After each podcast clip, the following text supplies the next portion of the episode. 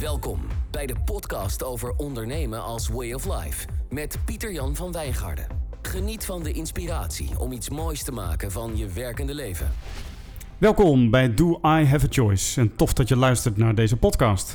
In Do I Have a Choice interview ik mensen waarvan ik vind dat ze van ondernemen een way of life maken.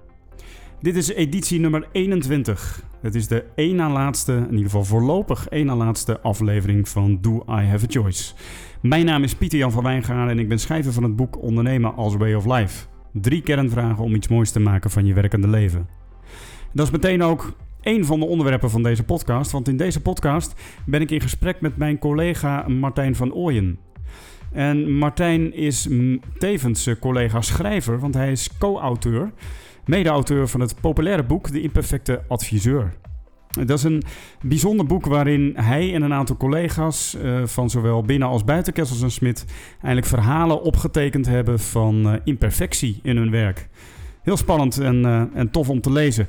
Het is ook een bijzonder gesprek omdat ik dus met Martijn interview of hem spreek over zijn boek. Maar vervolgens stelt hij mij ook weer vragen over mijn boek. Dus je kan wel zeggen dat dit een echte dialoog is. We spreken elkaar op een eh, lentedag op ons kantoor eh, Grid Malibaan 45 te Utrecht. Do I have a choice? Ik zit eh, hier in de Afrikamer van ons eh, kantoor, Malibaan 45, met mijn collega Martijn van Ooyen. Hartelijk welkom eh, Martijn. Dankjewel. Tof om je te spreken. Het is aan het einde van de middag. Buiten is het eh, nou, lente, hè? En we zitten hier met een alcoholvrij biertje, 0.0, de nieuwe standaard. Zeker, ja. Dat is heel modern. zo is het, hè? Ehm, en er liggen twee boeken voor ons. Eh, mijn boek, Ondernemen als Way of Life. En jouw boek, Imperfecte Adviseur. Die laatst nog eh, op een of andere lijst van de OOA, de Orde van de Organisatieadviseurs, terechtgekomen.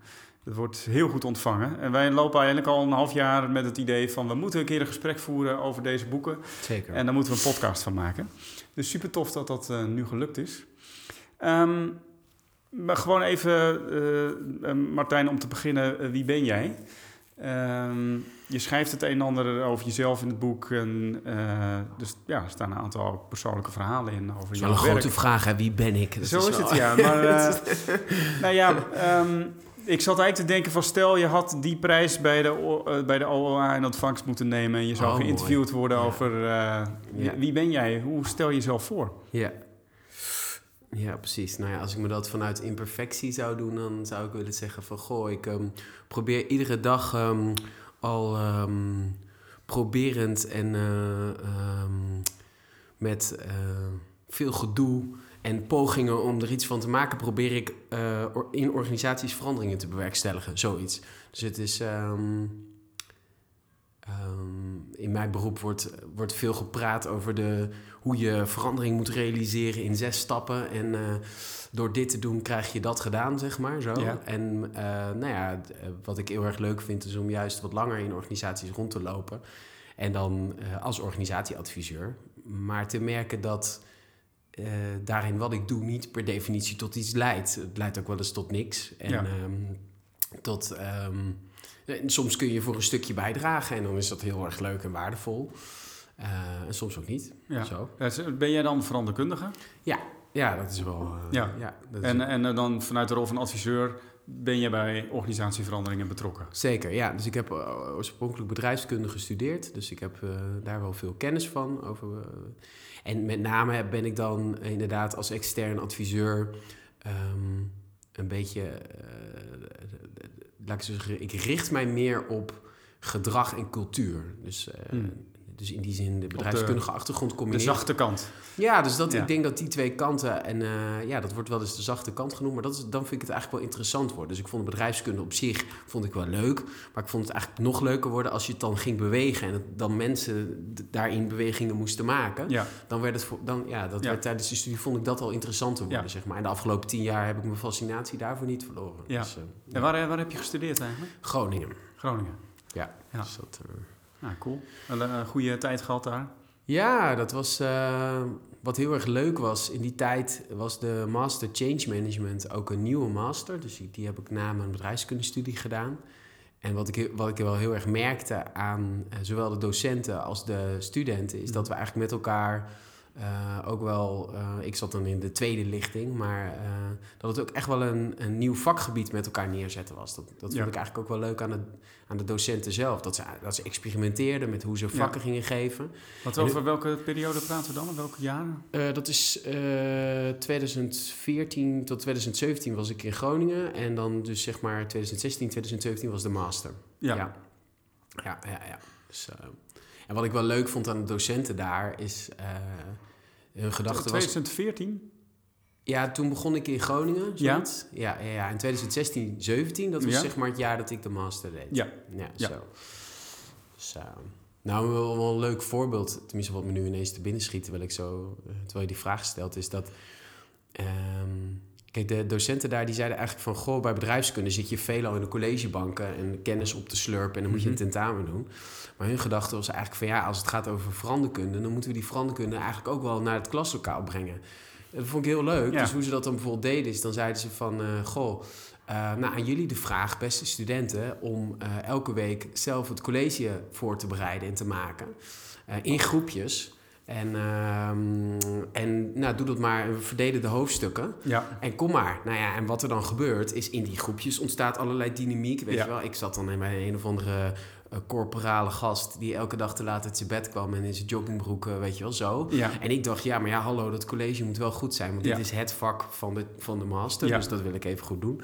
Dus nou, allemaal van dat soort dynamieken Ja, ontstonden dat is best daar. wel experimenteel eigenlijk. Zeker. En zij kwamen dan als docenten, kwamen ze eigenlijk pas later.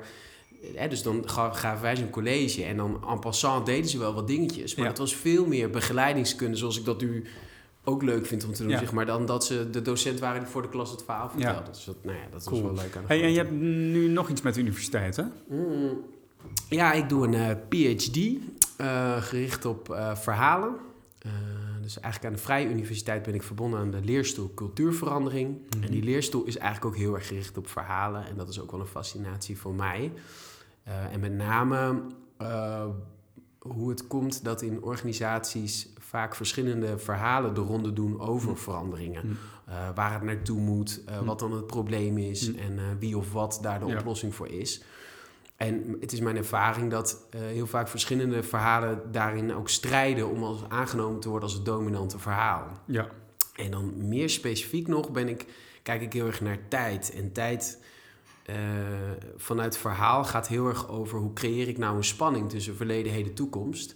Eh, eh, en hoe creëer ik dus urgentie? Hmm. En dan al heel plat gezegd, als ik zeg morgen vergaat de wereld, dus nu moeten we lean gaan werken. Ehm, dan is dat een urgentieverhaal wat ik neerzet. Maar daar zijn vaak ook andere verhalen te vinden. Mensen die andere interpretaties van tijd maken. Bijvoorbeeld, Ja. we hebben heel veel tijd en we kunnen nu wel zeggen dat we morgen veranderd Ja. moeten zijn. Maar dat hoeft eigenlijk helemaal niet. Nee. Laten we nou, nou ja, zo. Hè. Dus Gaat het over het waarom achter de verandering ook? Het- ja, zeker. Het waarom en het, en het... Maar laat ik het zo zeggen, dat, dat, dat zijn vaak... In de bedrijfskundeboekjes lees je vaak dat dat hele rationele processen zijn. En Ja. het is mijn- juist mijn ervaring dat dat helemaal niet rationeel is. Dat gaat gepaard met interpretatie en, en, en keuzes en selecties die mensen maken... om zo'n verhaal, nou ja, wat jeu en wat zoom mee te geven. En, eh, en dat wordt vooral ten, eh, gepitcht. En, Ja. en, en die verschillende pitches, die, die raken zeg maar verstrikt in elkaar. Ja, en daar eh, probeer je de vinger achter te krijgen. nou ja, ik vind het wel heel erg leuk om, om te kijken van hoe kun je dus in, in- als dat zo is, wat is dan je rol als veranderaar, als veranderkundige in zo'n proces, om enerzijds oog te hebben voor die verschillende verhalen, maar ook ja, aan een soort verhaalontwikkeling bij te dragen. Ja. Waarbij die verschillende interpretaties elkaar soms misschien vinden, of Ja. waarin soms ook verschillende even, verhalen even kunnen blijven bestaan. Ja, Dus dat vind ik wel interessant. Ja. super boeiend. Hey, en ehm, nou, je bent adviseur, eh, onderzoeker en in de tussentijd schrijf je ook nog een boek. Eh, ja, dat klopt. En dat hangt er. Ik vind dat het er ook altijd wel mee samenhangt. Ja, want het, dus het zijn niet drie verschillende dingen. nee, nee. zeker niet. Nee, dus, ehm, En toen je studeerde had je ooit bedacht dat je een boek zou schrijven? Nee, dat had ik niet echt bedacht. Nee, nee. Ik had wel veel boeken gelezen. Door, dat moet dan, zeg maar. Maar eh, ja, nee, ik had niet. ehm, Dat is best wel vet dat het er ligt. Ja, dat vond ik ook wel heel, Ja. een heel gek en, en bijzonder moment... dat je op een gegeven moment je eigen boek in de Ja, hand staat. Want het is een boek met meerdere auteurs. Zeker. En eh, er staan ook meerdere bijdragen in, verhalen over imperfectie. Verhalen waarin het schuurt, zeg maar, eh, als adviseur. Hartstikke leuk, daar kunnen we straks over hebben. En, maar jij staat als eerste genoemd. Eh, en dat klopt ook wel met mijn beeld, dat ik wel het idee heb dat jij daar echt een beetje de trekker van geweest bent. Ja, dat denk ik ook. Eh, ik denk, dus Marcel en ik zijn wel ooit als initiators begonnen. Ja, Om het even op zijn Marloes eh, te zeggen. ja. Marloes de Jong, hè. Maar ehm, het, eh, maar wat, er, wat ik op een gegeven moment wel merkte... is dat het neerzetten van zo'n boek ook wel vraagt... dat je langere tijd, nou, als het ware, de mensen bij elkaar moet brengen. En zeker deze groep, want het is een groep van... Dus, eh, ja noem ze maar even op. Thijs Homan, Aart Goedhart, Anthony van Nistelrooy, Barbara van der Steen, Marcel Koelman, Mieke Moor. ja, dat zijn Niet, niet de minste. Nee, dat zijn allemaal eh, mensen die eh, een eigen onderneming hebben, soms aan de universiteiten verbonden zijn, een eigen praktijk hebben. Veel bij klanten. Veel ja. bij klanten, dus allemaal druk, druk, druk op allerlei verschillende plekken. Ehm, en dan is het wel de truc van ja, hoe zorg je nou dat als we, hè, we hadden ooit dat idee, en Marcel en ik initieerden dat proces. En op een gegeven moment ga je dan met elkaar zitten en ga je die verhalen uitwisselen, want daar gaat het boek over. En daar zullen we het straks over hebben dan. Maar ehm, dat het niet. eh, dat op een gegeven moment, als we dat dan een paar keer hadden gedaan en we hadden dingen op papier staan, nou ja, dat het nog een boek moet worden, dat is nog wel even stap twee, zeg Ja, maar. En die ja, stap, daar heb ik denk ik, eh, daar ben ik vooral in gesprongen, denk ik, voor zorgen dat, dat we Dat er ook echt iets afmaken. Ja. Ja. dat is wel. Ja. Nou, vet. Het is echt een heel mooi eh, exemplaar geworden. En ehm, ja, dat getuigt ook eh, jullie selectie voor de OOA, wat was het, top 10 eh, Ja. shortlist, eh, zeg maar. eh, Zeker. Ja. eh, getuigt er ook van. Ik heb hier het inkijk-exemplaar liggen. Ik heb de mijne uitgeleend. Dus eh, deze is van de Oh. Malibaan. Ja, ja. Ehm, ehm, misschien om te beginnen, want er liggen hier twee boeken op tafel. ja, Eh, mijn eigen boek, Ondernemen als Way of Life. ja. En de impact, de Imperfecte Adviseur. Deze boeken kwamen ook volgens mij in een periode van, van twee maanden ongeveer uit. zeker. ja. Ehm, en volgens mij hadden we toen tegen elkaar gezegd van het zou leuk zijn om daar eens een gesprek over te voeren. ja. Ehm, Maar misschien is het ook leuk om even, eh, zeg maar, want ik ben nu wel veel aan het woord geweest. Kun je iets vertellen over eh, jouw boek, Ondernemen als Way of Life? Ik heb daar natuurlijk ook beelden bij, maar waarom ligt dit boek er? Ja, dat- waarom het er ligt is eigenlijk dat ik eh, een tijdje op zoek geweest ben naar wie ben ik eigenlijk Ja. als professional. Eh, dat ben ik nog steeds, maar sommige perioden ben ik dat soms wat meer dan andere. Mhm. En ehm, ik was naar een conferentie geweest, South bij Southwest. En Oh, daar eh, ja. zag ik allerlei mensen om me heen en die deden, deden dingen waarvan ik vond dat het leren is. Namelijk kennis uitwisselen, eh, naar elkaar kijken, hoe doe jij het, hoe doe ik het. Veel webondernemers, et cetera. Ze noemden het alleen geen leren, maar ze noemden het vooral ondernemen. Ja. En ik dacht van, goh, mijn vak verdwijnt. Het vak van leren en ontwikkelen. Het, het, het, het glipt zeg maar ook uit de HR-afdelingen. Nou, in veranderprogramma's misschien ook wel, hè, heb jij mee te maken. Maar ik zie ook veel zelfstandigen die aan het ondernemen zijn... en daarmee echt zichzelf ontwikkelen. Ik dacht van, dat is eigenlijk iets wat ik heel mooi vind. En van daaruit, eh, toen dacht ik van, ik moet een leergang ondernemen gaan neerzetten. En toen ben ik voor mezelf een soort curriculumoverzicht gaan maken van wat zou er dan in moeten. En toen ja, legde ik dat op tafel, had ik dat op papier gezet. Toen dacht ik van, hé, dat lijkt wel de inhoudsopgave van een boek. En toen ben ik dat boek gaan schrijven. Dus en dat is een soort van mijn persoonlijke verhaal geworden. Ik heb mezelf nooit beschouwd als ondernemer, maar ik ben, ben het nu wel. en eh, ik, ik merk ook dat hier binnen Kessels en Smit doen we dingen op het gebied van ondernemerschap... waar ik ook mijn vrienden of ja, mensen soms op verjaardagen echt heel eh, over kan vertellen. Dat mensen zeggen van, hé, hey, interessant, daar heb ik wat aan. Dus ik dacht, dat wil ik aan het papier toe vertrouwen. En eh, het interessante is dat nu ik het heb gedaan... ik eigenlijk eh, helemaal niet zo meer bezig ben met ondernemen aan zich... maar veel meer weer een stap aan het maken ben met adviseurschap. Dus dat is dan ook wel weer leuk om te zien... dat het wellicht nu het op papier staat... geeft het ook ruimte om weer andere dingen te doen. Ja, ja, Ja. ja. Nee, ja, want dat, dat is wel het, dat vind ik wel een van de charmante dingen aan het boek. Is het is enerzijds heeft het iets universeels, dus met name die vragen van waar loop je warm voor, met wie wil je aan de slag en hoe ga je in gesprek met je publiek. Dat zijn de ene universele vragen die, die zeg maar iedere andere ondernemer zichzelf ook kan stellen. Ja. En waar, waar dan in het boek volgens mij heel veel eh, nou ja, vragen worden gesteld, handvaten, anekdotes worden gedeeld en zo. Dus dat, dat universele is leuk, maar het is ook heel persoonlijk. En dat, vind ik, ja, dat vond ik eigenlijk heel aansprekend. Dat er heel veel, ik zie er heel veel Pieter Jan in, zeg maar. Ja. En dat is, het is niet een eh, theoretisch boek geworden, zeg Nee, maar. het is in die zin, nou, dat is misschien leuk om het over te hebben, want jullie boek is ook heel persoonlijk. Zeker, Alle- ja, van meerdere auteurs, maar dit is wel echt mijn boek inderdaad. Ja, En ehm, ik, eh, nou, we hadden het net over eh, Zuid-Afrika, waar ik een aantal keer geweest ben. En ik merk, als ik daar ben, wordt het ook heel snel persoonlijk. Hmm. Dus dat heeft misschien iets te maken met de mensen daar. Of, maar op de een of andere manier beland je heel snel in persoonlijke gesprekken. Eh, dus dat is één. En ik heb ook een tijdje me wel eh, aangetrokken gevoelen tot een beetje meer de Amerikaanse literatuur. ja. Die dat ook is. Vaak ook wel met verhalen van diepe dalen en hoge toppen. En soms ook een beetje voor ons misschien een beetje over de top. ja. Maar ik vind het altijd wel mooi dat het, dat, dat wat Amerikaanse auteurs vaak doen, is eh, hun theorie, hun modellen ook heel erg verbinden aan hun eigen leven. Ja, ja. En dat vind ik, eh, vind ik zelf heel mooi. Dus ik dacht van, zo- zo'n boek wil ik eigenlijk ook wel schrijven. Leuk, oh, dat is wel grappig. Dat, dat, daar had ik eigenlijk helemaal niet zo door. Dat, dat, dat, dat, daarin, dat er ook een, een linkje zit dus met Amerikaanse boeken. Ja, wat grappig. Ja. En het, ehm, ja, binnen Kessels en Smit maken we altijd het onderscheid tussen een soort van eerstehands en tweedehands kennis. Ja. En de eerstehands kennis is de kennis die je zelf ontwikkelt. En de Precies. tweedehands kennis de kennis die je van anderen hoort. Ja. En mijn voornemen was ook wel om echt ja, het vanuit eerstehands kennis te schrijven, zeg maar. Ja. Ja. en toch zie ik ook wel mooie tweedehands dingen erin. Ja, Inzichten van personen die Ja. ik soms ook ken of soms niet ken. Maar Ja. dat vind ik ook wel heel eh, leuk eigenlijk. En ik heb nog wel een vraag, hè, want eh, er, er is zo'n community om jou heen geweest. Er staat ook zo'n mooie foto met al die mensen die hebben meegedaan. Hè? Ja. En eh, hoe was dat eigenlijk? Want eh, ik grap altijd van een, nou ja, het schrijven van een boek of het lezen van een boek is nou echt een persoonlijke activiteit. En dat kun je niet echt samen doen. Maar jij hebt het wel samen gedaan. Hè? Dat is, eh, Ja, dus ehm, ja, een van mijn proposities is... je kunt pas gaan ondernemen als je je publiek kent. ja, Of in ieder geval als je weet op wie je richt... en daar moet je vooral mee in gesprek zijn. ja, En ehm, toen dacht ik van... ja, ik kan, wel een, ik kan wel een boek gaan schrijven met die boodschap... ja, eh, en het dan schrijven en het dan voorleggen aan anderen. Maar Ja. dan zou ik mezelf tegenspreken. ja. Dus het eerste wat ik heb gedaan is inderdaad een oproepje op internet. Ik zei van, ik wil dit boek schrijven met ongeveer deze boodschap. ja. Eh, kan jij er wat aan hebben? Zou je het leuk vinden om eh, mee te lezen, mee te denken? Meld je dan aan. En daar is inderdaad een Facebookgroep uit ontstaan ja. van ongeveer 50 mensen. En eh, ja, die heb ik zeg maar regelmatig eh, delen van het manuscript eh, voorgelegd, hoofdstukjes als ik ermee klaar was. En eh, ik heb ook heel veel feedback op ontvangen. Wat het ook, dus ook niet altijd makkelijker maakte, want de ene feedback sprak de andere feedback soms ook weer tegen. Ja, wat moet ik daar nou mee? Ja, precies. maar ik denk wel dat daarmee heb ik wel heel snel een soort beeld ontvangen van hey, hoe wordt het gelezen. Ja.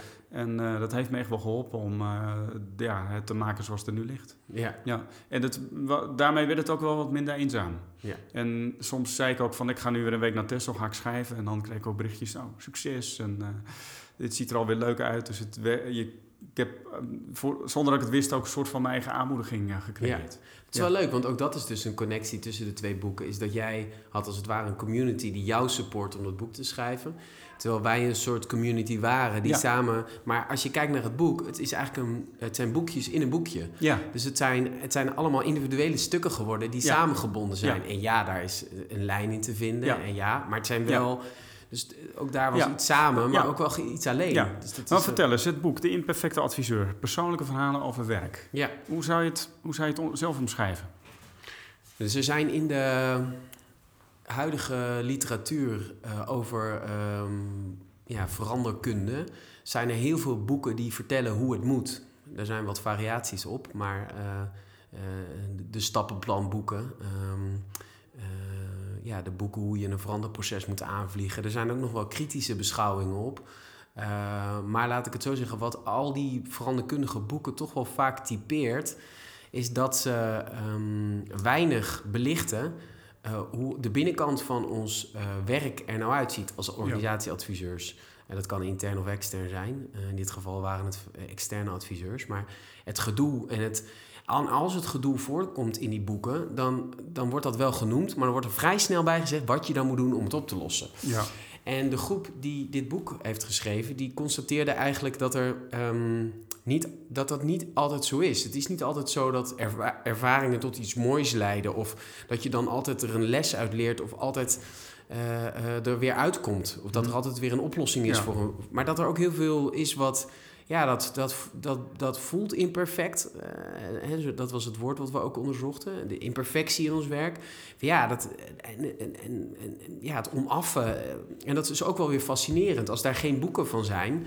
Hoe zou het nou zijn als wij daar... eh, ehm, iets, iets over gingen schrijven. Ja. En toen, als we, toen we onszelf die vraag stelden, zeiden we eigenlijk... Van ja, dan moeten we eigenlijk... ehm, dan is het belangrijk om eh, narratives te gaan schrijven. Dus verhalen te gaan Ja. uitwerken. En die verhalen maar eens te delen met elkaar. Ja. En op dat moment, toen we daar instapten, wisten we ook niet of dat... We hadden wel het idee van, nou ja, het moet uiteindelijk leiden tot een boek. Maar wat er toen zou gebeuren, dat wisten we eigenlijk allemaal niet. Nee.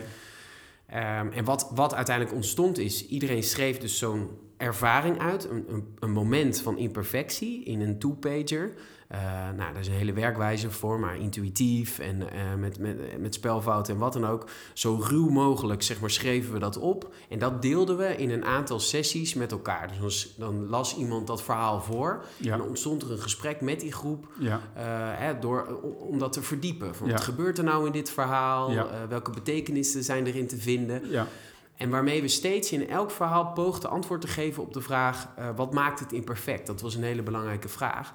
Eh, en zo zou je kunnen zeggen, hebben we met elkaar ook het begrip imperfectie onderzocht. Niet Ja. zozeer als iets van nou ja, de definitie van imperfectie is, maar uiteindelijk kon je wel uit die zes eh, verhalen, eh, want er waren zes adviseurs echt die een verhaal hebben geschreven, kon je wel eh, zien dat het imperfectie niet iets universeels is bij iedereen hetzelfde. Dat, Nee. is, dat is ook per persoon weer verschillend, waar die imperfectie dan over gaat. Ja. Eh, en daarmee is het boek dus ook een, een, eh, nou ja, een, een, een soort presentatie eh, van imperfectie. En het gaat ook gewoon over, nou ja, ons, hè, net zoals Ja. jou- jouw werk en, on- en mijn werk, al- al advieservaringen. Ja. ja. En die ervaringen op zich zijn ook alweer inspirerend. Hè? Doe eens. Ja. Waarom is het inspirerend? Nou, omdat het ook wel, dus sowieso roept het herkenning op. Jij herkende er, je erin soms? Ja, of, ja, zeker. En ehm, dus, maar misschien nog vooraf, want jij zegt over eigenlijk van, ehm, als wij naar het hele spectrum van boeken op dit vlak kijken, zie- vinden we eigenlijk dat het niet eerlijk is. Nee, Want Nee, er wordt een soort precies. wereld voorgespiegeld die in het echt niet zo is. nee, precies. Namelijk eh, zes stappen om te veranderen, en, maar in het echt. Dat weten wij eigenlijk allemaal. Maar Ja. toch blijven we die boeken lezen en schrijven. Ja. Zo werkt het niet. Nee, dat, nou, dat denk ik ook. Ja. ja. Dat- dat- ja. Op een of andere manier... ehm, En je, ja, Nou, het- ik merk dat zelf ook. Dat, en dat, dat kan, ik bedoel, ik kan hetzelfde bij leiderschap doen. Dus als ik, een, eh, als ik boeken over leiderschap lees, dan lees ik soms ook echt wel het gedoe hoor. Maar ik lees ook toch wel veel de, de, de, de, de, de goede Ja. manier om, om, om leiding te geven. ja, Terwijl als ik leiders spreek, dan, dan, ja, laat ik zo zeggen, dan vind ik het, dan vind ik het vooral interessant worden ja, als ik hoor welke dilemma's er zijn en soms ook onopgelost, weet je Ja. wel? Of, of de, de lastigheid van sommige situaties Ja. waar, waarin mensen nachten wakker liggen en niet meer weten wat ze moeten doen. ja, Ik bedoel, dat vind ik over het algemeen interessanter dan dingen die zo soepel eh, Ja. voortgeleiden, zeg maar. Dat Ja. is, eh, ja. Dus dat, dat ehm, en eh, het is natuurlijk wel hoopvol om, te, om ook, soms ook boeken te lezen die misschien de wereld wat makkelijker voorspiegelen dan dat die is, hè? ja, zeker. Dat Eh, leest lekker. Ja, precies. nou ja, Ja. dat. En, en soms denk je, het geeft soms misschien ook weer een strohalm om in die momenten van imperfectie toch door te gaan. Ja. Eh, maar wat ik eigenlijk wilde vragen is, jullie, jullie kiezen dan er bewust voor om, jij ook als vrij jonge adviseur, om je neer te zetten als een imperfecte adviseur. Ja. Het zitten organisaties daarop te wachten. Nou, dat is wel een ding inderdaad. Dat is, eh, ik moet ook heel eerlijk zeggen, het voelde voor mij echt als met mijn billen bloot gaan. Ja, En ik vertelde ook nog een verhaal in dit gezelschap, waarin ook sommige collega's een rol speelden. En ja, ik dacht, ja, weet je, kan ik dat doen? En Ja. Kan, kan ik, kan, ik, ehm, kan ik zoveel blootgeven ook over eh, nou ja, wat er dan allemaal in mijn hoofd omgaat, en welke angsten ik heb en wat dan ook. Dus Ja. dat, dat heb ik wel als een billen bloot moment ervaren. Het moment, dus, dus mooi mijn eigen boek in handen, maar ook wel, hé, hey, ik sta er naakt in, zeg maar. En hoe kijk je daarna? Vind, vind je het mooi? Of? Ehm, nou, niet alleen maar mooi. Nee. Ik, ik, het is, dus er zit niet een soort schoonheid in die, in die Ja, nee. Ja, ik bedoel niet trots, hè? Dus ben je niet maar... Ik ben wel blij dat het er is. Ja, En ik merk ook dat wat ik heel leuk vind aan eh, de reacties die ik soms krijg, is eh, dat mensen daar zich ook wel in herkennen. Ja. Dus herkennen van, ja, ik heb, ik heb ook dit soort ervaringen. Of ik heb ook, eh, wij hebben ook wel eens bij Ja. ons een gesprek gehad over het gedoe. En dat was eigenlijk wel Ja. heel verfrissend, weet je wel. Dus het is, ehm, dat vind ik dan heel erg leuk. Ja. Eh, dus het is uitnodigend ook, hè? ja dat is wel en, zo. eh, dus je Ja. doet met dit boek echt een uitnodiging om, eh, zeg maar, eh, omdat je zelf je momenten van imperfectie deelt, zeg maar, is het ook echt een uitnodiging voor anderen om dat ook te doen. Zeker. En ja. daarmee eh, ook, eh, Ja, zo zou je het wel kunnen zien. Ja. Want als ik mijzelf natuurlijk naakt eh, laat zien, ik bedoel, dan is het makkelijker voor de anderen om zich ook ja, te geven. precies, Zeg ja. maar. Dat is, ja, ja, maar jij doet wel de openingszet. ja, Ja, ja nou, daar heb je wel gelijk in. ja. Hey, en ehm, ehm, dus jij, hebt, jij leeft een aantal bijdragen in dit boek, hè? Ja. Wat, wel- wel, welke, wat is een, welke bijdragen zouden we, het, oh, nu kunnen, eh, zouden we nu zeg maar aan de orde kunnen stellen? Nee, dus eh, het boek bestaat natuurlijk eigenlijk, het, is eigenlijk, het zijn boekjes in een boek. Hè? Dus, eh, waarbij ik een, een, een, narrative schrijf wat gaat over een eh, klantcasus waar ik zelf inderdaad op vastloop. Ik, ik ben er op een gegeven moment, ga ik er ook, stap ik ook uit de opdracht. Ja. Ehm, nou, daar kunnen we op in. Maar wat ik eigenlijk wel interessant vind, is met name de reflectie en het betoog. Dus ik heb daar daarna een soort reflectie op geschreven. Ja, en, want dat, dat is een ritme wat terugkomt in het boek, hè? ja, Ja, Ja. dus jullie scheiden zeg maar de reflectie van, even van de ervaring. Ja. Je vertelt echt het verhaal en vervolgens ga je Ja. duiden. Precies, Ja. precies. De narrative is dus zo ruw mogelijk, zeggen we eigenlijk. Hè? Dus, dus eh, dat moet je De uit spelfouten zijn er wel uitgehaald. Zeker, ja. Maar we hebben wel elkaar steeds de vraag gesteld van... is de... de eh, als je schrijft, eh, en zeker als je jezelf dwingt om alles wat je denkt over zo'n situatie op papier te zetten, eh, eh, kom je soms achter dingen van oei, denk ik, denk ik zo lomp over mijn eh, collega of over, mijn, over, of over de klant. Of over, dus je, je, je voelt soms ook dat er een soort viezigheid vrijkomt, zeg maar. En we hebben tegen elkaar gezegd van als die viezigheid eruit gaat, zijn we niet geslaagd.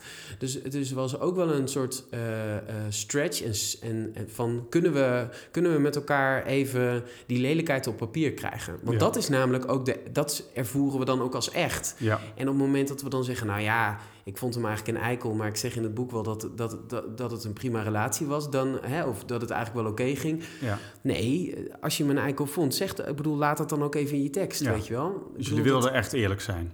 Dus Ja, en, en, die je ook... en niet vanuit, de, ik bedoel dat dat terecht of eerlijk of, Nee. of weet ik wat is, maar dat is even wat er dan is. Ja. Je, je ervaart die ander dan even als eikel. En wel netjes en zorgvuldig, hè? Ja. Dus dat, dat, is iets Tuurlijk, al- ja. daar hebben we wel. Dus we hebben wel gekeken van, is het uitgebalanceerd genoeg? En bijvoorbeeld, als ik dan in de narrative iets ruws schrijf... Kan ik daar in de reflectie dan even aandacht aan besteden. Wat maakt nou dat het dan ruw wordt? Ja, Eh, nou, en dus in mijn reflectie waar ik... Nou ja, wa- wat ik bijvoorbeeld heel leuk vond... is dat ik erachter kwam dat ik verschillende opdrachtgevers had... eh, die, die me stuurden eh, in die situatie. En daar had Ja. ik eigenlijk van tevoren niet zo door. nee. Maar door de gesprekken met de andere adviseurs en het, en het schrijven kwam ik daarachter. En dat, Ja. is, dat vond ik wel heel erg leuk. En Dus ik had een, een opdrachtgever, dat was de daadwerkelijke opdrachtgever, die stelde aan mij de vraag.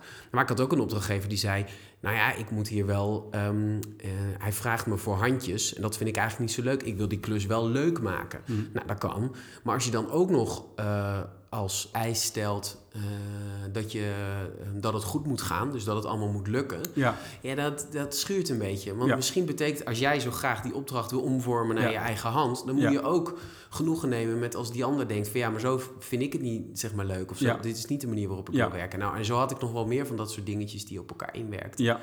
Dus dat was leuk. En, en tenminste, ik vond het leuk om daarachter te komen. ja, je beschrijft dat onder het titeltje meervoudige opdrachtgeverstoornis. Ja. Eh, Ja, ja. Maar, want daar lees ik ook echt een aantal dingen die, die je als adviseur dan even dwars zitten. Hè? Omzetdruk, de lat voor jezelf. Je wil het goed doen voor collega's, et cetera. Ehm, Je wil samenwerken, wilde ik ook nog. ja, precies. Ja. Ja.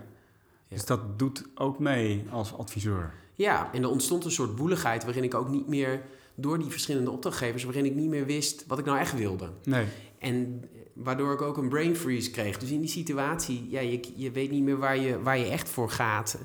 Ehm, en weet je ook niet meer wat je moest doen. Nee. Tenminste, ik wist niet meer wat ik moest doen. nee, nee. Dus nee. dat, dat. En wat ik heel interessant vond, is dat, ehm, dat er als het ware ehm, ook van alles tussen de regels bleef zitten. Dat, dat als het ware dat dingen die niet uitgesproken werden in de situatie, maar die er wel waren en die, die als het ware op mij een, een effect hadden. En ehm, dat onderzoeken heb ik ook verder nog in het betoog gedaan. Ja. Eh, ook bij mezelf. Ja. Dus wat, wat, wat spreek ik nou zelf niet uit? Wat Ja. zijn nou ze- ja. Eh, en hoe kan ik, eh, ik, ik... Ik kwam er ook achter dat ik het verhaal nogal dramatisch opschreef. Ja. Hè, dus dat ik... In het betoog ga ik daar ook een beetje mee spelen. Van als je dit nou... Je kunt het heel dramatisch maken. Maar stel dat je er nou eens een klucht van maakt. Hè? Het is Ja. ook eigenlijk best wel knullig wat er Ja, allemaal gebeurt. En eh, best prima dat het eigenlijk klaar is, weet je wel. Dus het is ook maar hoe je zo'n verhaal de geschiedenisboeken inschrijft. Ja. Dus nou ja, de, de, ehm, dus daarin dat, dat reflecteren eh, en uiteindelijk leidend tot een betoog, wat eigenlijk eh, een betoog is wat gaat over deconstructie. Ja. Nou ja, heb ik wel eens plezierig. Dat, heb, dat vond ik wel plezierig Ja. allemaal, ja. Ja. Dus dan best wel bijzonder. Een ervaring die misschien ook een soort knoop in je maag is. Waarbij je ja, best wel inderdaad jezelf blootgeeft om dat op papier te zetten. Eerst voor je schrijversteam, zeg maar. En later voor al het publiek. En, maar dat je daar in het reflecteren daarop wel weer plezier kunt krijgen. Ja, En verandert dat nou ook de manier waarop je terugkijkt op die hele situatie? ja dat is- heeft het wel veranderd. Ja, Dus zeker. het wordt lichter. Ja, ja, ja, dus zeker. Ja, het wordt, ja, ja. Het is ook alsof, eh, alsof ik denk ik zelf slecht om kan gaan met van die kluwetjes wol die nog ergens in mijn systeem zitten, zeg Ja, maar. dus het is een, ook een opruimactie geweest. Ja, waarin Ik, eh, en waarin ik niet nu kan zeggen eind goed, al goed. Want het is niet zo dat... ehm, Weet je, de, de, de- het is niet zo dat ik nu met de, met de opdrachtgever een biertje ga drinken en met die collega's, zeg maar, waar het even schuurde, dat dat nou, weet je wat, dat ik daar niet van baal of zo. Ik baal er wel van. En dat blijft. Alleen Ja. ik, het feit dat je dat eh, aandachtig onderzoekt en dat je daar ook wat uithaalt, het is Ja. ook, het is ook dat, er, dat er eigenlijk iets nieuws in ontstaan is in die ervaring. Ja, Dat is heel plezierig. ja precies. Het heeft ook tot iets geleid. Ja. Sterker nog, het heeft tot een boek geleid. En ja. ik bedoel, dat, dat, dat, dat vind ik wel... eh, ja, daarmee is het niet fixed. Het is niet gefixeerd. Maar, ik, Ja. maar je, kunt er, je kunt er ook mee spelen, anders naar gaan kijken. Je kunt er een, een andere interpretatie van maken. Ja. En dat, dat, dat is wel fijn. Ja. Zoals Leonard Cohen zegt, there's a crack in everything and that's where the light comes in. Ja, ja, dat ja. hoor ik een beetje uit dit verhaal. Ja. Dat het toch weer een soort bloemetje... Heb ik die nou nog gebruikt of niet? Ik heb hem... Ja, of hè? kom jij er nu mee? Nee, ja, ja misschien komt Ja, jij komt er nu spontaan mee. Dat is leuk, want ik heb inderdaad, dat is inderdaad een zin die, ik weet niet meer of ik hem uiteindelijk nou in mijn tekst heb opgenomen, maar dat is precies de zin die, die me raakte daarin. Ja, Ja. ja. Hey, een, een, een overal vraag bij het lezen van dit boek eh, heb ik wel... ehm, ik had laatst een gesprek met iemand hierover en toen, had het, toen zeiden van... Goh, adviseurs, dat moet, dat, over het algemeen zou je verwachten dat het best wel een reflectieve beroepsgroep is. ja. Weet, Die brengen ook reflectie in de organisatie, als ze met, met managers of wat dan ook, beschouwend, eh, houden spiegels voor. Wat dat betreft is het best vreemd dat er nu pas een boek verschijnt wat hierover gaat. Ja, dat is eigenlijk ook wel zo, hè? Ja. ja. Nou ja, dan zou je eigenlijk het slothoofdstuk van Thijs Homan... ehm, is daar wel interessant in, vind ik. Want hij zegt eigenlijk van ja, we leggen de lat gewoon heel hoog voor onszelf. Ja, Hij, eh, dus hij plaatst dat eigenlijk in, ook in een soort ehm, discours van de adviseur. ja, eh, wa- hè, waarvan hij eigenlijk zegt van ja, dat is heel interessant dat, dat we dat doen. Wat maakt nou dat we, dat we zo knetterhard Ja. willen werken allemaal met elkaar? Ja. En dat we, ja, schrijft hier als adviseur zitten we onszelf continu achter de broek om goed zo niet perfect te zijn. Dus dat leggen we onszelf op, maar ook elkaar. Proef hier ook iets verslavends in. ja, dus er zit, precies, er zit iets in. eh, ja, en, en, dat, en dat maakt ook, dus het is niet per definitie een. eh, dus iedereen wil wel graag reflecteren, maar misschien wel zelfs zo erg dat er ook iets pijnlijks bij gepaard gaat of zo. Hè? Dus, dus eh, Thijs heeft eh, eigenlijk als, als hoogleraar was hij hier, zat- deed hij mee, maar niet zozeer als adviseur. Maar hij heeft ook wel mee zitten pennen met alles wat wij vonden dat je dan moest met die imperfectie. En hij doet dat in dat, in dat hoofdstuk ook. En dan zegt Ja. hij inderdaad van ja, uit elke ervaring moet geleerd worden. Ja. Weet je wel? Je, moet- je moet, Ja. En je moet eh, zelf reflectie toepassen en zo, weet je wel. Pff, Ja, weet je wel, mag je ook gewoon een keer zeggen dat het kloot is, bij wijze van spreken. En dus, dus je zou kunnen zeggen, op jouw vraag van wat maakt nou dat het boek er komt, gaat misschien ook wel over dat we in ons discours zo hard zijn voor onszelf. ja, eh, dat dat zo'n boek ook moeilijker misschien het daglicht ziet of zo. ja. Ehm, want ook dat moet je dan weer, eh, Ja. bij wijze van spreken, eh, perfect, imperfect ehm, eh, presenteren Ja. of zo. Ja. En bijna was het boek er daarom, zou je kunnen zeggen, ook weer niet gekomen. Ik herinner me nog discussies, ook van adviseurs die uitgestopt zijn. Hans Vermaak lijken van Os. Die zeiden van, moet je hier wel een boek van maken? Weet Ja. je? Dus moet je dit wel... Is dit, ik bedoel, heeft de wereld hier wat aan? Ja. Weet je? Dus, en daar zit, die, zit wel een kerntje voor mij, hoor. Nou, ik vind het wel leuk, want eh, we hebben natuurlijk in dezelfde tijd aan het boek gewerkt. En ik was heel erg bezig met eh, ook wel het publiek. En ja, dus door zeg maar, het boek ook samen te schrijven, ook gewoon wel bezig met. Nou, deze Hoe kijkt de buitenwereld ernaar? Hoe kijkt de buitenwereld Ja, en heel erg ja. aansluiten. Ja. En jij was het totaal niet. Nee, Eh, Nee. nee, nee zeker niet. Nee. compleet the other way around. En ik weet ook nog, volgens mij heb je dat ooit verteld... dat jullie als redactieteam bij elkaar zaten... en dat er iemand van Publishers, de uitgeverij, langskwam. Die ging het dan hebben over hoe gaan we het boek in de markt zetten. Ja. En dat iedereen echt een beetje zat te kijken van... nou, ik weet niet eens of ik het wel in de markt wil zetten. Weet je, dit, ik schrijf dit boek gewoon echt omdat ik het... omdat ik het belangrijk vind, maar we, gaan dit, we doen dit niet met een bepaalde reden die buiten onszelf ligt of zo. Nee, het, is dan, het voelt dan op een of andere manier weer heel incongruent om dan daar dan weer, ja, hoe kan ik het zeggen, daar, om dat dan weer over te willen commercialiseren Ja. of zo. Dat Ja. is bijna een ander bakje. Terwijl, Ja. Ik bedoel, zo kan Terwijl het ook dan wel gaaf is dat je dan merkt dat het boek zo gewaardeerd wordt. Ja, dat En- is zeker. Dat is, dat is ook wel weer zo. Ja. Dus het is heel dubbel. Want natuurlijk, ik bedoel, het is uiteindelijk heel leuk als je boek verkocht wordt. Waarom Ja. zou je iets willen maken wat niemand leest? Dat, is ook, dat is ook gek, zeg maar. Dus het, ja, dus dat... eh, maar het gebeurde ook weer bij de OOA. Dan moeten we een filmpje maken. Of tenminste moet. Maar dan wordt er uitgenodigd van... Ja, elke boek eh, dat zichzelf presenteert... maak alsjeblieft een filmpje. Ja, En dan merk je al in, in die groep vanuit het boek... dat als, je, als het gaat over het imperfect adviseur... dat je denkt, ja, ga je dan Ja. weer een perfect filmpje maken, weet je wel? Dus Ja. het, nou ja, dat is wel een, eh, een dingetje. ja. Ja. En ehm, wat heeft het zeg maar, jullie als schrijversteam opgeleverd?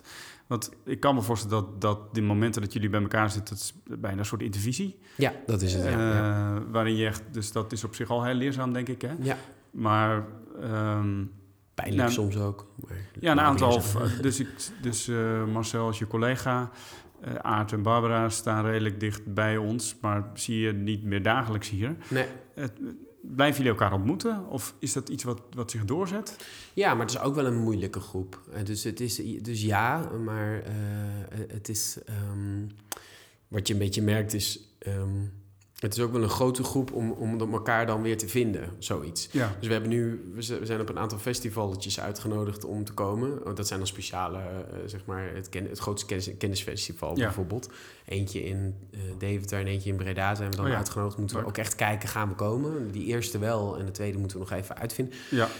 En dan, maar dan merk je daar ook wel weer van, ja, weet je, dat, dat organiseren van dat we dan allemaal komen, ja, dat is gewoon wel, eh, wel gedoe. Dus, eh, en het is soms wat sleuren. Ja. Ja. Dus dat, eh, maar ja, en tegelijkertijd ook wel. Kijk, ik heb bijvoorbeeld iemand als Mieke, die kende ik daarvoor echt gewoon niet. Ik kende Nee. haar boek Tussen de Regels, Ja. vond ik echt een fantastisch boek. Ja. Maar nu is het gewoon iemand die, die nou ja, een collega, een collega is het misschien nog net niet, maar het is wel iemand die heel dicht bij me staat. En ik Ja. vind het ook een hele fascinerende persoon om, eh, om te volgen in haar, wat ze allemaal aan het doen is. Die zit echt, haar onderneming heet Vrij Werk. En zij is echt de grenzen, ze komt van Twijnstra, maar ze is echt de grenzen van, van ons werk vind ik ook aan het opzoeken. Dus ik vind het ook heel leuk in termen van nou ja, breed perspectief. Samen met haar iets gemaakt hebt. Ja, dat is leuk. En, Ja. en da- dat je daardoor ook kunt zien wat zij dan allemaal weer gaat doen. En dat Ja. geldt ook zeker voor de anderen. Dat is, Ja. eh, ja, Anthony ken ik zelf wel wat beter. Dus, Ja. eh, maar bijvoorbeeld ook een Thijs is gewoon heel leuk om mee te maken. Ja.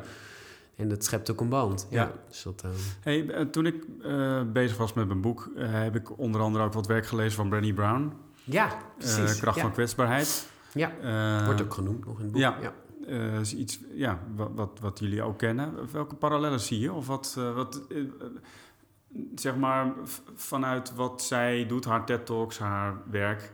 Ehm, maar lijkt ik ook wel een soort bredere beweging te zien met fuck-up nights. Ja. Eh, startups die, die niet succesvol zijn, zeg maar. Ja. Waar ook avonden voor georganiseerd worden om ook gewoon te vertellen over je failure, zeg maar. Ja, ja. Dus het, in die zin past het boek ook wel in een soort maatschappelijke beweging of zo. Nou, dat is wel echt zo. Dus, dus, ik, dus eh, grappig genoeg is het, is het inderdaad op een of andere manier wel de tijd voor dit boek. Dus Ja. het lijkt wel, ook in de kranten zie je veel stuk over imperfectie en over falen en over... De, eh, inderdaad, zo'n werk van Brené Brown is echt heel, Ja. heel, heel bekend. Dus je ziet wel dat, dat het is wel een tijd ervoor. Ja. Een paar jaar geleden misschien minder. Terwijl, want ik las dit weekend ook een heel interessant eh, artikel in de krant eh, van Trouw. En dat ging over ehm, de, de nieuwe kerk. Eh, de nieuwe kerk, niet in de zin van de echte kerk, maar een beetje dus School dat waar... Nou ja, misschien ook wel, maar dat waar mensen zich aan verbonden voelen. Bijvoorbeeld ook de MeToo-beweging. Oh ja, ja. En ehm, eh, die auteur die schreef van... in een nieuwe kerk is geen plek voor vergeving. Dus wat je eigenlijk ziet is dat... Oh. Dus bijvoorbeeld zo'n Kevin Spacey van eh, Ja, House of Cards... Keihard wordt die natuurlijk... eh, Exact, ja. Dus. Het, de, eh, dus als er iets gebeurt, dan, dan lijken we er ook wel eens de kippen bij te zijn om mensen aan de schandpaal te nagen. Ja, dat is pijnlijk, ja. Terwijl je dus ook dit ziet, hè? Dus Ja, imperfectie, kwetsbaarheid, Ja. et cetera. Ja, het is wel een spannende ontwikkeling. Daar heb je eigenlijk wel gelijk, ja. Daar had ik zo nog nooit over nagedacht. In de zin van dat het juist die beweging dat mensen vaak, som, of soms ook ongefundeerd, eh, snel in de media weggezet worden. Dat is echt een probleem, dat, Ja. dat weten we inderdaad. Maar je hebt wel gelijk dat, die, dat dit eigenlijk meer een soort tegenbeweging is. Juist die, meer die imperfecte eh, Ja. debatten, zeg Ja. die er ook plaatsvinden. Dus imperfectie wordt wat dat betreft... Dus als je toegeeft van, goh, ik heb wat gedaan of ik heb wat op mijn kerfstok... dat wordt niet altijd gewaardeerd. Ja, En en het de- publiek debat minder, denk Ja. ik, ja. Het, het publieke debat is, is, Ja. is, is sneller, eh, gaat sneller, hè? Dat is vooral het probleem. Door de media die er nu zijn, eh, worden we meer geconfronteerd met allerlei beelden en ideeën van iedereen. Ja, En ehm, van de week ook weer een voorbeeld, hè? Maar goed, dan gaan we echt de actualiteit in. Eh, rondom dat hele eh, vraagstuk in Israël met de Palestijnen was er door CD, een nieuwsorgaan op Twitter, die hadden, die dachten dat het zo was dat Palestijnen een bedrag van 100 euro of dollars kregen als ze de grens opzochten met Israël. Mhm. En dat was eigenlijk een ongefundeerd berichtje, weet je wel. En dat is weer typisch zo'n voorbeeld waarin nou ja, de beeldgeving zo snel gaat, ja. waardoor inderdaad, eh, ja, waardoor dingen snel escaleren. En dat Ja. gebeurt natuurlijk op al die fronten, Ja. ook in het Ja. MeToo-debat. Ik bedoel, ja, dat is, het vliegt de bocht uit of zo. Ja. Hey, als ik naar imperfectie kijk, dan, en dan denk ik dat past ook heel erg bij ondernemerschap. ja, Terwijl je natuurlijk, er is ook een soort stroom, eh, dus, en wellicht dat je als je heel oppervlakkig kijkt, dat zou je mijn boek daar ook bij, zou je wellicht denken dat mijn boek daar ook bij past. Van, goh, ondernemen is het antwoord voor alles, hè? En, ehm, en ondernemen is leuk en het levert altijd wat op. En, eh, Ja. Terwijl natuurlijk ondernemerschap ook, eh, ik zie ook mensen om me heen worstelen. Maar dat is, want dat wou ik, dat, ik zat al een paar momenten te denken, van, dat is precies wat jij in je boek ook een beetje omschrijft. Hè? Want Ja. je hebt een aantal momenten dat je zelf ook even nou ja, vastloopt en, en daar schrijf je ook over. Ja, Ehm, dus jij presenteert ook niet een soort plaatje van dat is alleen maar leuk en fijn en toch? Dat is een, Nee, dus ik denk, ik geloof er wel in dat zeg maar ondernemen in de zin van regie nemen over je eigen werktijd, zo Ja. en daarmee ook wel je eigen levenstijd, denk Ja. ik. Want dat dat wel, ik geloof er wel in dat dat, dat, dat ehm, ja, je gelukkig maakt. En niet alleen jezelf, maar ook de mensen om je heen. Ja. Dus dat dat iets goeds is om te doen. Ehm, de checklist om weg te gaan, hè, dat soort dingen. ja, bijvoorbeeld. Ja, Ja, ja. Dus ik heb toen ik het boek schreef heel erg een soort van ja, mezelf voor ogen had toen ik eh 28 jaar was of zo. Dat je dan denkt van, goh, ik ben een tijdje aan het werk. Wat vind ik ervan? En eh, ik heb nog net geen hypotheek, dus ik kan nog vertrekken. Eh, en een soort van fundamentele keuze. Ga ik me verbinden aan iets wat ik, wat, waarvan ik denk van nou dat levert wel geld op, maar het is absoluut niet. Eh, of, het is, of absoluut niet, of helemaal niet, of een beetje niet dat waar ik helemaal voor wil gaan. En daarmee verlies ik iets van mezelf. Versus, nee, ik kan nu nog een stap maken. ehm, om iets te doen, zeg maar, waardoor mijn idealen ook Ja. eh, gestalte blijven Ja, krijgen. het gaat echt over autonomie. Ja, exact. Ja. Dat is wel, ja. Daar En zie ik- ik trouwens ook een linkje, maar met imperfecte adviseur. Want uiteindelijk dus, dus dat doen, wat jij zegt in jouw boek, maar ook onder ogen komen dat dingen dus inderdaad gewoon soms onaf zijn. eh, eh, creëert ook autonomie, weet Ja. je wel? Dus dat is, eh, ja, dus beide helpt volgens mij in termen van autonomie. Ja. Beide, wat bedoel je dan? Nou, dus, kijk, dus het, het falen kan heel, ook heel erg Ja. op mij drukken. In Ja. de zin van dat het, dat het me tegenhoudt om eh, te doen wat ik echt wil. Of Ja. om keuzes te maken, et cetera. Ja. Dus, dus in die zin, zeg maar, kan dat, dat imperfectievraagstuk gaat ook uiteindelijk over autonomie. Van, Ja. kan, kan ik gewoon even onder ogen komen dat het... Dat, er, dat, er, dat, dat, dat niet alles afraakt in wat ik aanraak. Ja. En, en dat ik daar me toe te verhouden heb. Ja. Dat creëert ook Ja. weer, auto, zo heb ik het althans ervaren. Dat is ook een, een autonome beweging. En ik vind jouw boek daar ook eh, heel erg op drukken. Van door die vragen te stellen aan jezelf. Met wie, ehm, eh, met wie wil ik dat dan? En eh, is dit dan nog de plek? Als dit is wat ik wil. Zo hè. Dus, dus nou ja, zo. Ja, dus je zegt eigenlijk van autonomie, dat eh, is bijna ook inherent aan imperfectie. Hè? Dus autonomie gaat ook over accepteren dat je niet alles goed kan doen. Ja, En daar heb je dan jezelf toe verhouden. Ehm, en je hebt er bijna voor te zorgen dat dat niet je zelfvertrouwen naar beneden haalt of zo. Hè? dat. En Ja. eh, precies. Ja, en, en eh, dat het niet in een soort verdom hoekje komt. En Ja. dat, dat, dat er niet meer naar gekeken hoeft te worden. Ja. Of moet worden. Of, Of dat je er iets mee moet. Weet je wel? Dus het, het is ook een heel drukkend... eh, dat discours waar Thijs het over heeft... van, van de adviseur als perfectionist... ja, zeg maar, dat drukt ook op iedereen. ja. Ja, Ja, ja, precies. En dat doen we elkaar aan als beroepsgroep eigenlijk. Hè? ja, Ja. ja. Maar in, in- bij ondernemen, je zou bijna kunnen zeggen... bij ondernemen is denk ik hetzelfde gaande. Ik bedoel, we moeten allemaal ondernemen. Er zijn vet veel ZZP'ers, zeg maar. Maar kan er ook even een boek zijn wat, wat even teruggaat naar... van wat wil ik nou, zeg Ja. maar. Met wie wil ik dat dan, Ja. zeg maar. Dus in die zin, ja, vind ik het charmante aan het boek... is dat het niet zo pretentieus is in termen van...